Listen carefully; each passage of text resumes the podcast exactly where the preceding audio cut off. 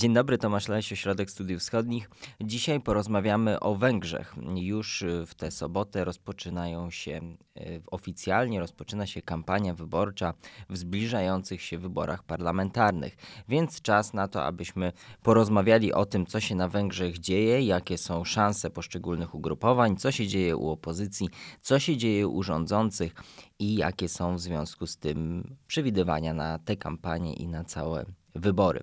A o tym będę rozmawiał z Andrzejem Sadeckim, analitykiem Ośrodka Studiów Wschodnich. Dzień dobry. To jest podcast Ośrodka Studiów Wschodnich.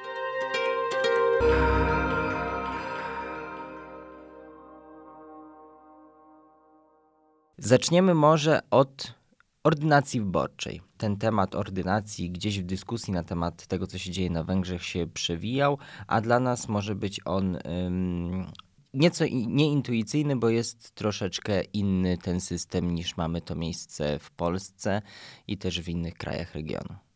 Tak, na Węgrzech obowiązuje y, ordynacja mieszana, y, większościowo y, proporcjonalna. To jest system, który został ustalony jeszcze po 1989 roku przy okazji zmian ustrojowych. On został nieco zmodyfikowany przez Fidesz po dojściu do władzy w 2010 roku, ale z grubsza polega na tym, że część posłów jest wyłaniana e, w okręgach jednomandatowych i część e, z list e, partyjnych. Dokładnie to jest 106 posłów, których wybierają wyborcy w okręgach jednomandatowych i 93 z list partyjnych y, na Węgrzech jest jednoizbowy parlament, w którym zasiada 199 posłów. Mhm. I jak rozumiem, właśnie te listy partyjne, te miejsca są najbardziej atrakcyjne, bo de facto pewnie te pierwsze miejsca praktycznie gwarantują wejście do parlamentu. Tak, no zwyczajem jest, że y, pierwsze miejsce na każdej liście zajmuje kandydat danej partii na y, urząd premiera. I na następnych miejscach są zwykle ważni działacze poszczególnej partii. Natomiast y, w tych wyborach będzie taka sytuacja, że prawdopodobnie najważniejszą kwestią będą wybory w okręgach jednomandatowych, bo pierwszy raz na Węgrzech od wielu lat mamy sytuację taką, że de facto system stał się dwupartyjny, bo mamy do czynienia z, je, z jednej strony z tak, rządzącym Fidesem i z drugiej strony opozycją. I prawdopodobnie obie te y, siły polityczne rozdzielą między siebie głosy na listach partyjnych, natomiast jest szereg okręgów jednomandatowych, w których ta rywalizacja mm, będzie prawdopodobnie bardzo zacięta i, i wynik wyborów najpewniej rozstrzygnie się w 20-30 y, okręgach. Ale te listy partyjne też były, jak rozumiem, przedmiotem sporów i walk w, w łonie oczywiście też pewnie partii rządzącej, ale najpierw skupimy się może o, na opozycji. Pierwsze miejsce, tu nie ma zaskoczeń, zajmuje Peter Markizaj. O nim po, przygotowaliśmy poprzedni podcast, on jest cały czas aktualny, więc zachęcamy do, do wysłuchania, więc teraz nie będziemy przytaczać biografii Petera Markizaja, bo, bo zrobiliśmy to wcześniej, ale on będzie liderem tej listy partyjnej jako kandydat na premiera.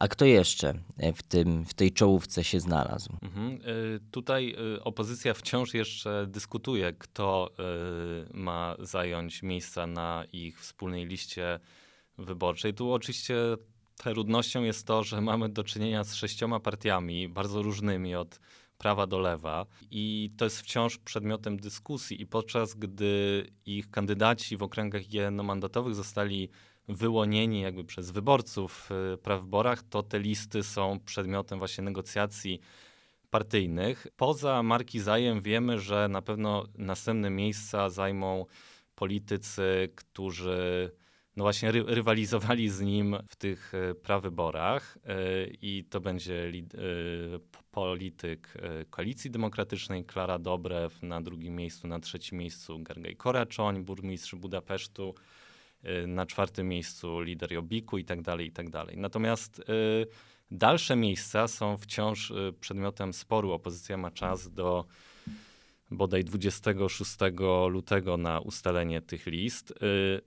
Y, Peter Markizaj, y, kandydat opozycji na premiera, twierdzi, że na liście znajdzie się, co ciekawe, trzech przedstawicieli y, mniejszości romskiej, co ma też przyciągnąć głosy z tej grupy społecznej. Tego tutaj wprost nie powiedzieliśmy, bo opozycja, to jak rozumiem, wynika z tego, z tego o czym rozmawiamy. Opozycja startuje razem, startuje startuje zjednoczona, będzie jedna lista partyjna i do tego w okręgach jednomandatowych y, jak to będzie wyglądać? Y, po prostu jed, dogadują się, że w tym okręgu ta partia ma największe szanse i, i nikt inny nie wystawia swojego kandydata i jest kampania wszystkich na tego jednego? Tak, no to właśnie temu służyły prawybory, żeby wyłonić tych najsilniejszych kandydatów w poszczególnych y, okręgach. To mniej więcej można, jeśli zobaczyć na mapę Węgier, to to mniej więcej wygląda to tak, że w Budapeszcie zwłaszcza to są wszystko y, kandydaci partii lewicowych i liberalnych, bo elektorat ma takie preferencje w stolicy, natomiast na przykład na, we wschodnich Węgrzech to są w dużej mierze kandydaci Jobbiku, czyli partii dawniej skrajnie prawicowej, która dzisiaj definiuje się jako partia y, konserwatywna. Więc y, oczywiście to jest w tej chwili duże wyzwanie dla opozycji, czy wszystkie partie w równym stopniu zaangażują się, na wspa- y, zaangażują się we wsparcie wszystkich y, kandydatów, bo tak naprawdę y, oczywiście dany kandydat w danym okręgu wyborczym będzie mógł liczyć na wsparcie swojego ugrupowania.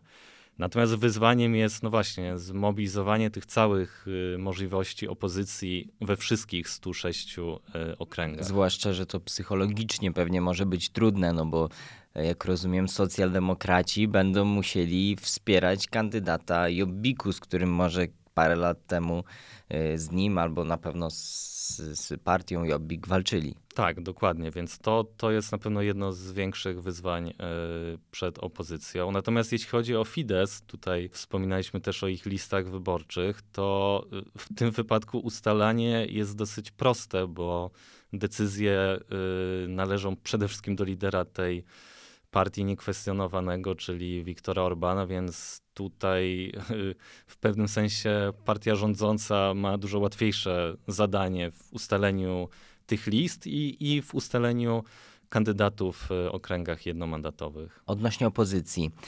Tam też już się pojawiają pewne pęknięcia, bo jak rozumiem Peter Markizaj, który nie miał jakiegoś potężnego zaplecza politycznego, zaczyna próbować te zaplecze budować, co się niezbyt podoba e, w, między innymi Obbikowi.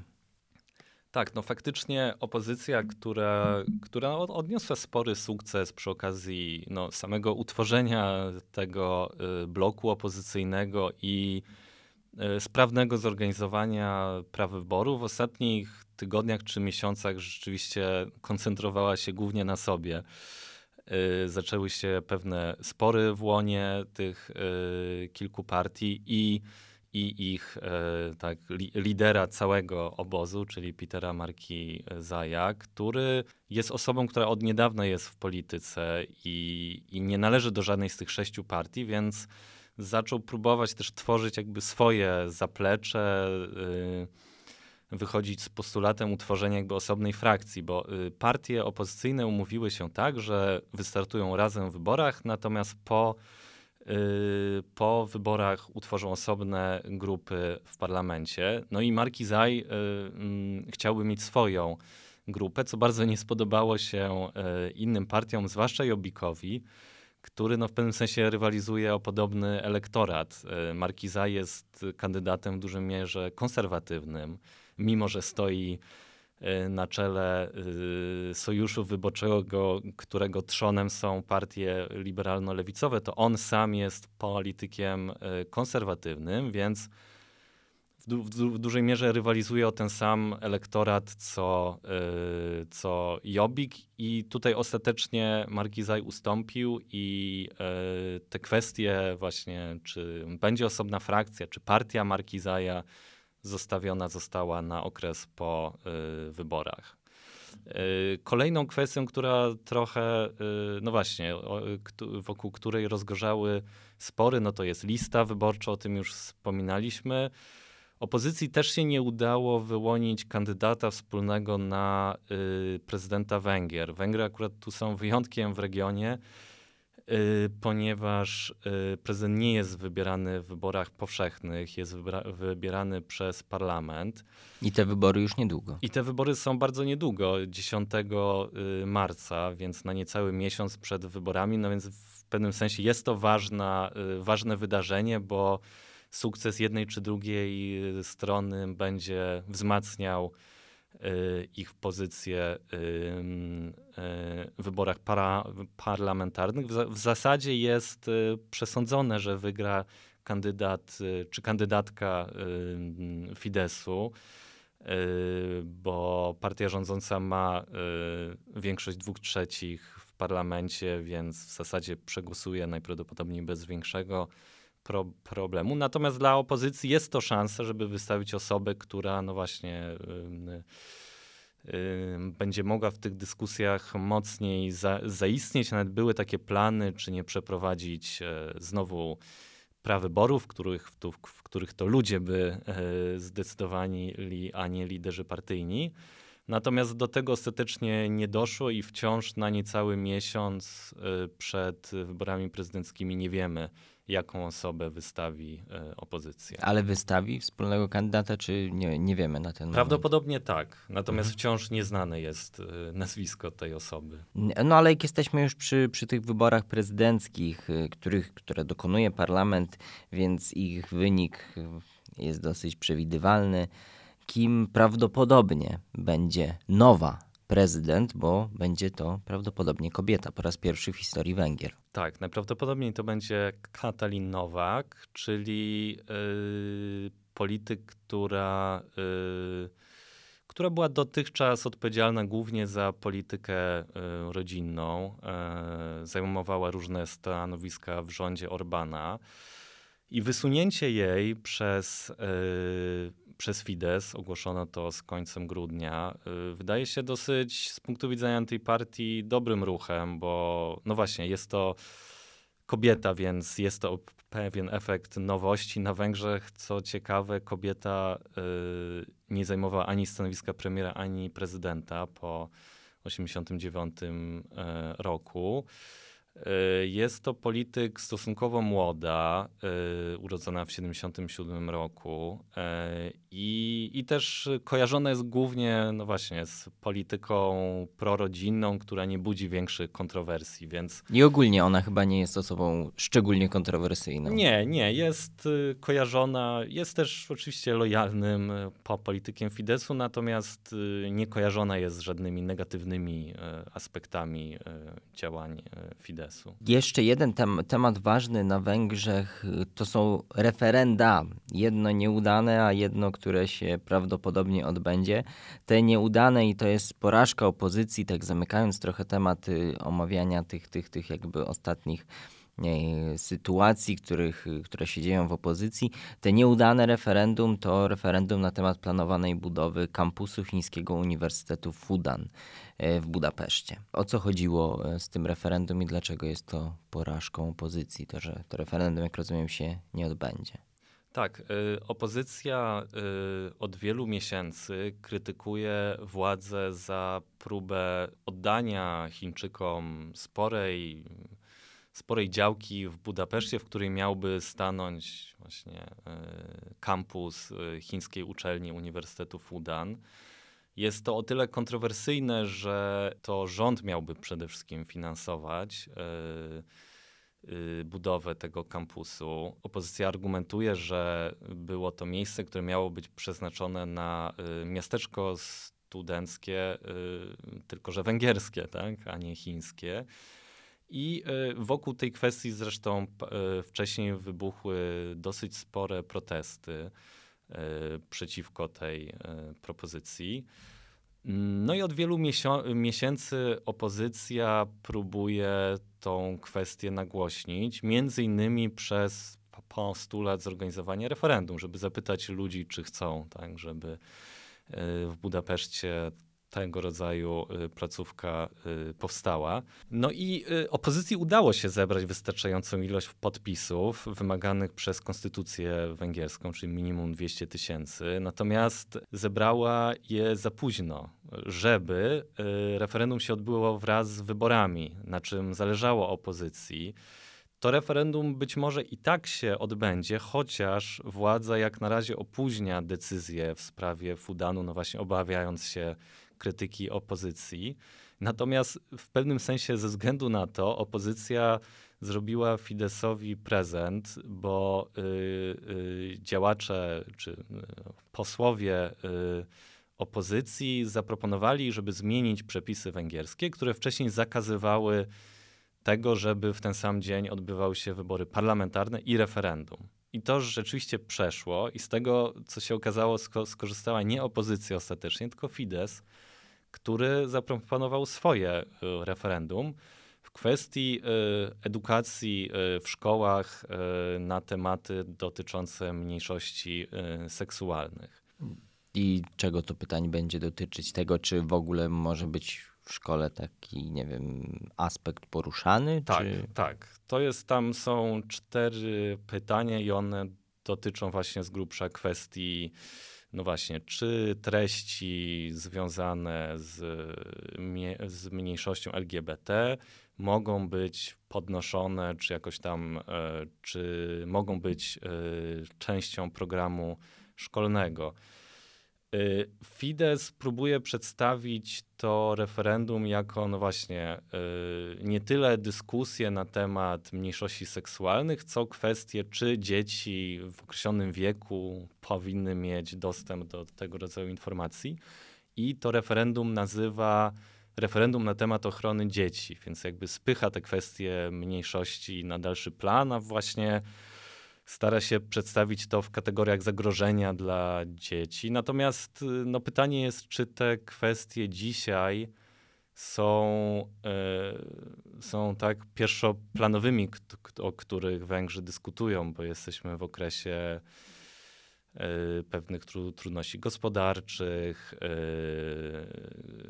Ale rozumiem, że to jest. COVID-u, więc w związku z tym jest pytanie, czy rzeczywiście są to kwestie, które w tej chwili są dla Węgrów palące. I, ale rozumiem, że to jest próba narzucenia tematu też trochę w kampanii tak, i dokładnie. odwrócenia też trochę. Tak, dokładnie. No bo jest to na pewno temat y, obyczajowy, czy taki temat światopoglądowy jest w pewnym sensie wygodniejszy dla Fidesu niż dyskusja o poszczególnych jakby kwestiach e, takich jak no nie wiem, sy sytuacja służby zdrowia, sytuacja edukacji, sektora edukacji w ogóle. Mhm.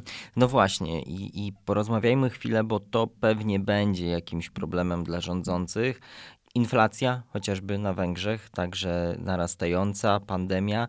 Jak na te, te wyzwania odpowiada rząd? Rzeczywiście w ostatnich miesiącach, zresztą no jak w większości państw regionu, widzimy bardzo dużą inflację y, na Węgrzech i różne y, inne y, problemy gospodarcze, choć wzrost jest wciąż dosyć wysoki.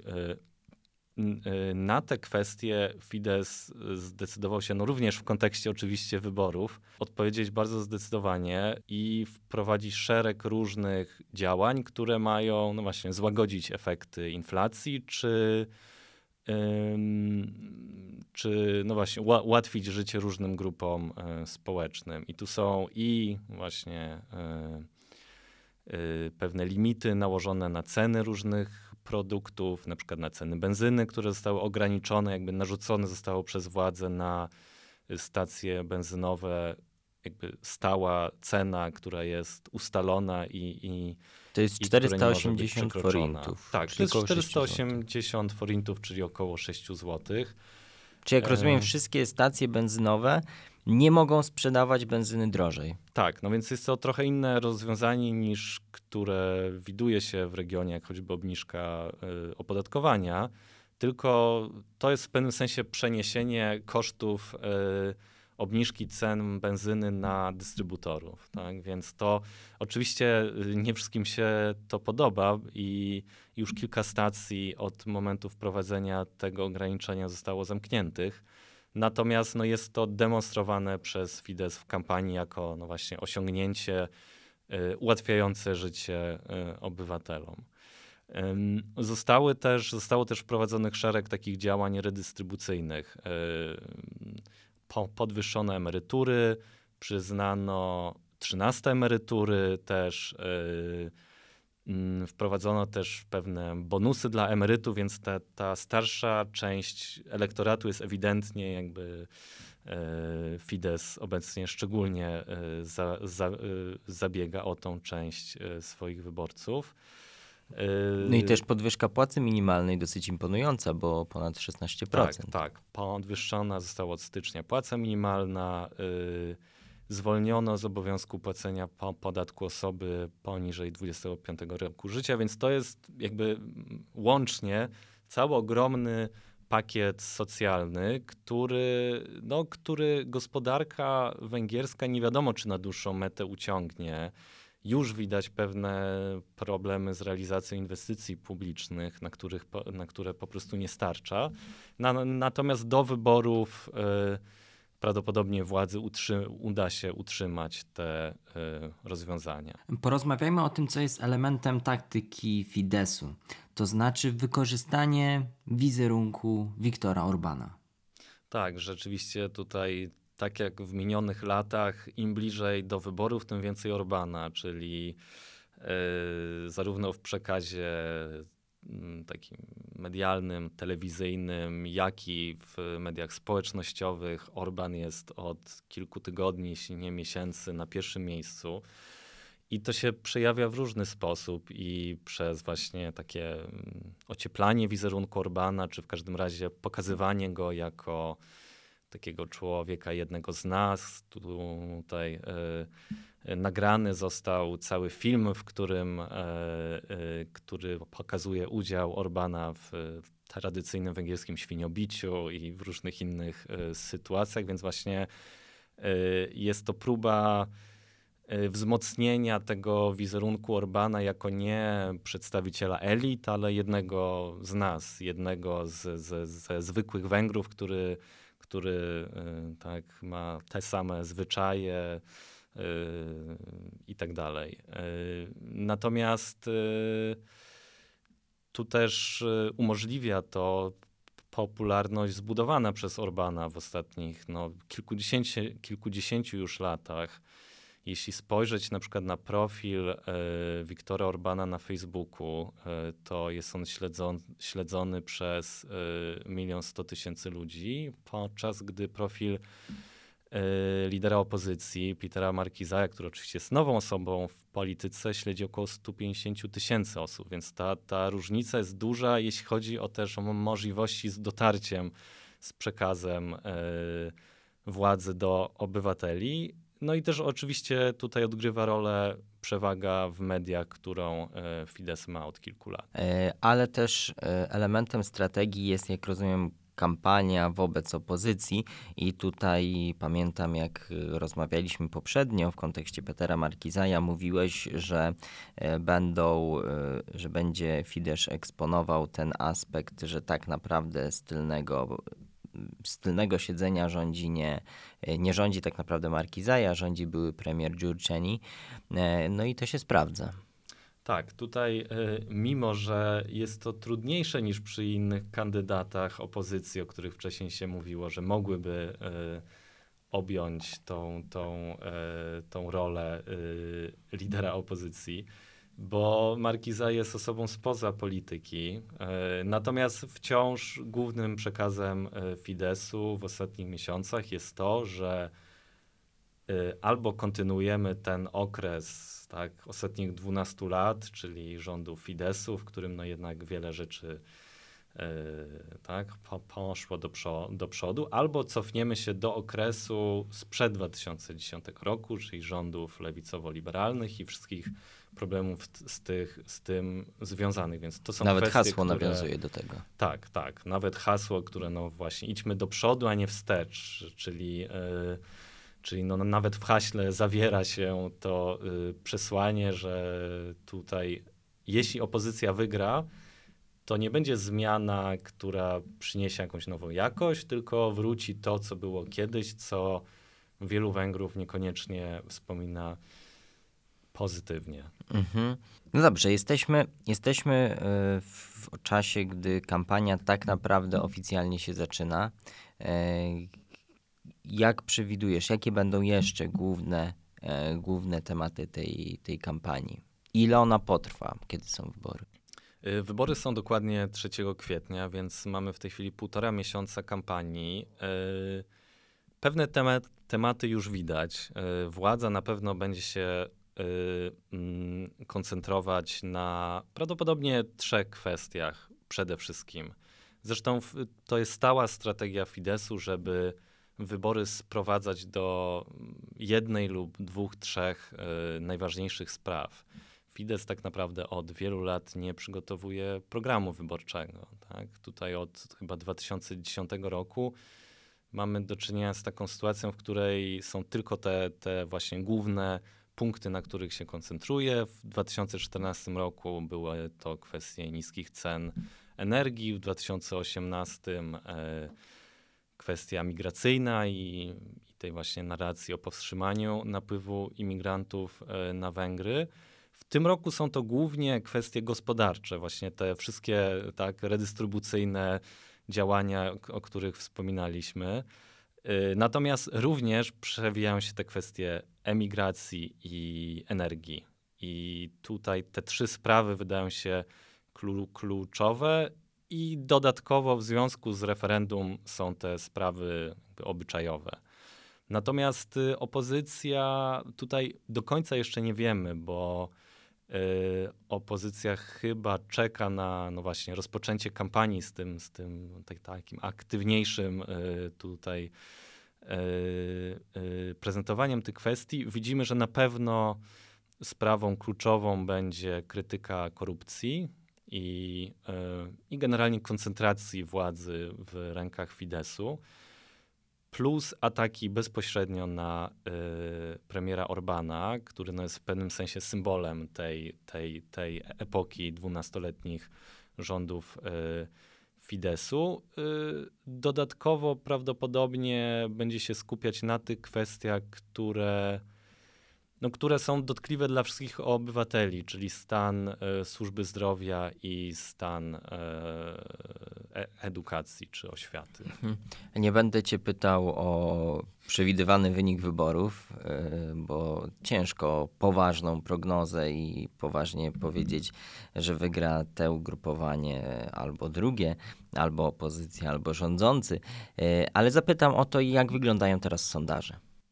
W sondażach ostatnio lekkie odbicie zanotował Fidesz przez ten okres właśnie ostatnich miesięcy od y, prawyborów, kiedy no, opozycja właśnie zajęła się sobą, jak już mówiliśmy, i, i, i, i, i Fidesz był w ofensywie, więc te nożyce się troszeczkę rozwarły, natomiast wciąż te wyniki są bardzo bliskie.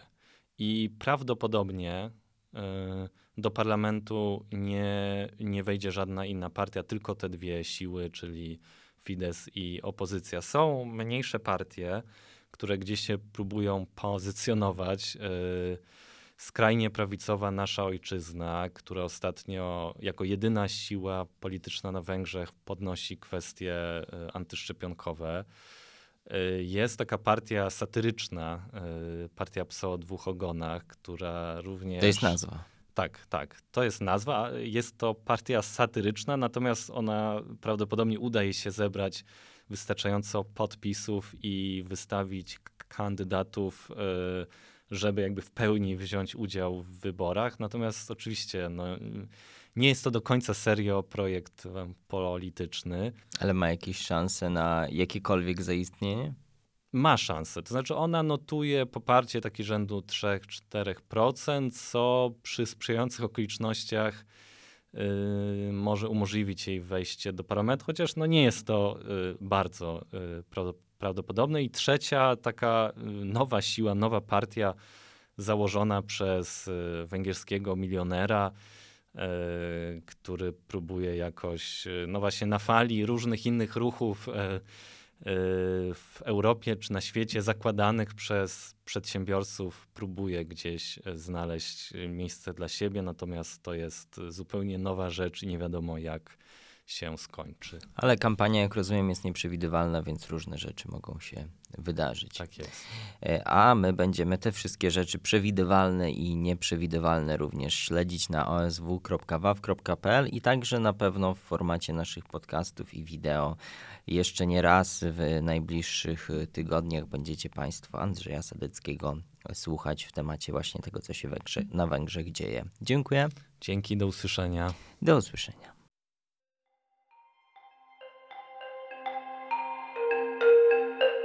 Wysłuchali Państwo podcastu Ośrodka Studiów Wschodnich. Więcej nagrań można znaleźć na stronie www.osw.waw.pl.